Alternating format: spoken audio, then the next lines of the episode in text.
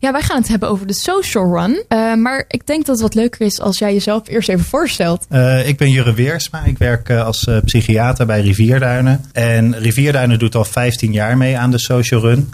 en dit jaar organiseer ik het voor, voor GGZ Rivierduinen. En de Social Run, ja, wat is dat precies? Uh, het is een uh, estafetteloop van 555 kilometer. Waar je als uh, team met aan mee kan doen. Er doen met name veel GGZ-instellingen door het hele land mee. Mm -hmm. 40 teams hebben zich al ingeschreven. Ja, het is eigenlijk om aandacht te vragen voor mensen met psychische klachten. Om ook deelname aan de maatschappij wat toegankelijker te maken. Want Social Run is een stichting. En zij, zij organiseren dus uh, het parcours, de route en, en alles wat daar aan veiligheidsmaatregelen, motoren, uh, de afzettingen van wegen soms uh, aan vastzit. En de deelnemende teams organiseren dan hun eigen ja. deelname. En uh, je vertelde net al, eigenlijk de, het is voor zichtbaarheid, voor, uh, om inclusiviteit uh, ja. te bevorderen. Alle GGZ-instellingen, alle teams eigenlijk die deelnemen, zamelen geld in. Dat doen ze gewoon bij familie, vrienden, maar ook collega's.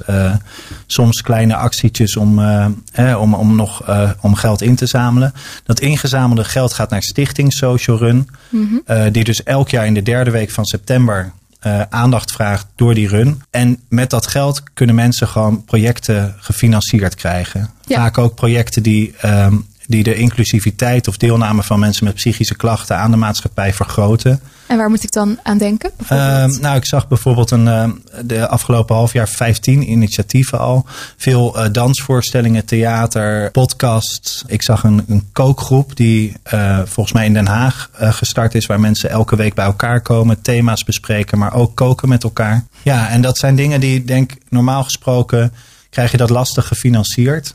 Of ja. moet je aan heel veel voorwaarden voldoen om subsidie te krijgen. En uh, Stichting Social Run heeft dat eigenlijk laagdrempeliger gemaakt. Dus dat is eigenlijk dat is wel fijn dat het daarmee dan kan. Ja. Um, en laten we het even hebben over de route. Want uh, je zei het net al, 500 kilometer? Ja, 555 kilometer. Nou, dat is niet niks. Nee. Uh, nou, het is best een gepuzzel en georganiseerd. Want je, je moet je voorstellen dat je, je doet met een team collega's vaak mee. Althans binnen Rivierduinen wel. Mm -hmm. Dat zijn niet allemaal afgetrainde mensen.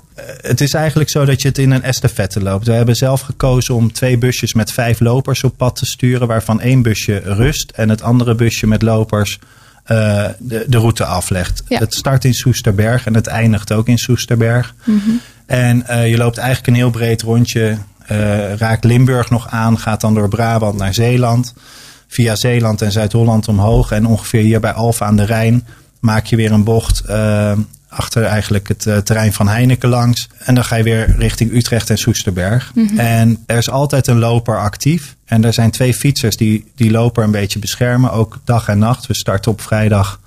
Uh, wij dan om 11 uur en we hopen op, op zondag uh, voor 4 uur te finishen. Ja, waarom is het zo belangrijk dat deze run wordt georganiseerd? Het is een stuk zichtbaarheid. Ik denk ook, eh, het is nog altijd lastig om over psychische klachten uh, open te praten. Of, je, je merkt toch vaak, zelfs collega's bij mij die zich ziek melden op, op werk, melden zich makkelijker ziek met uh, ik voel me niet lekker, ik heb griep, dan dat ze uh, bijvoorbeeld een psychische reden hebben. Mm -hmm.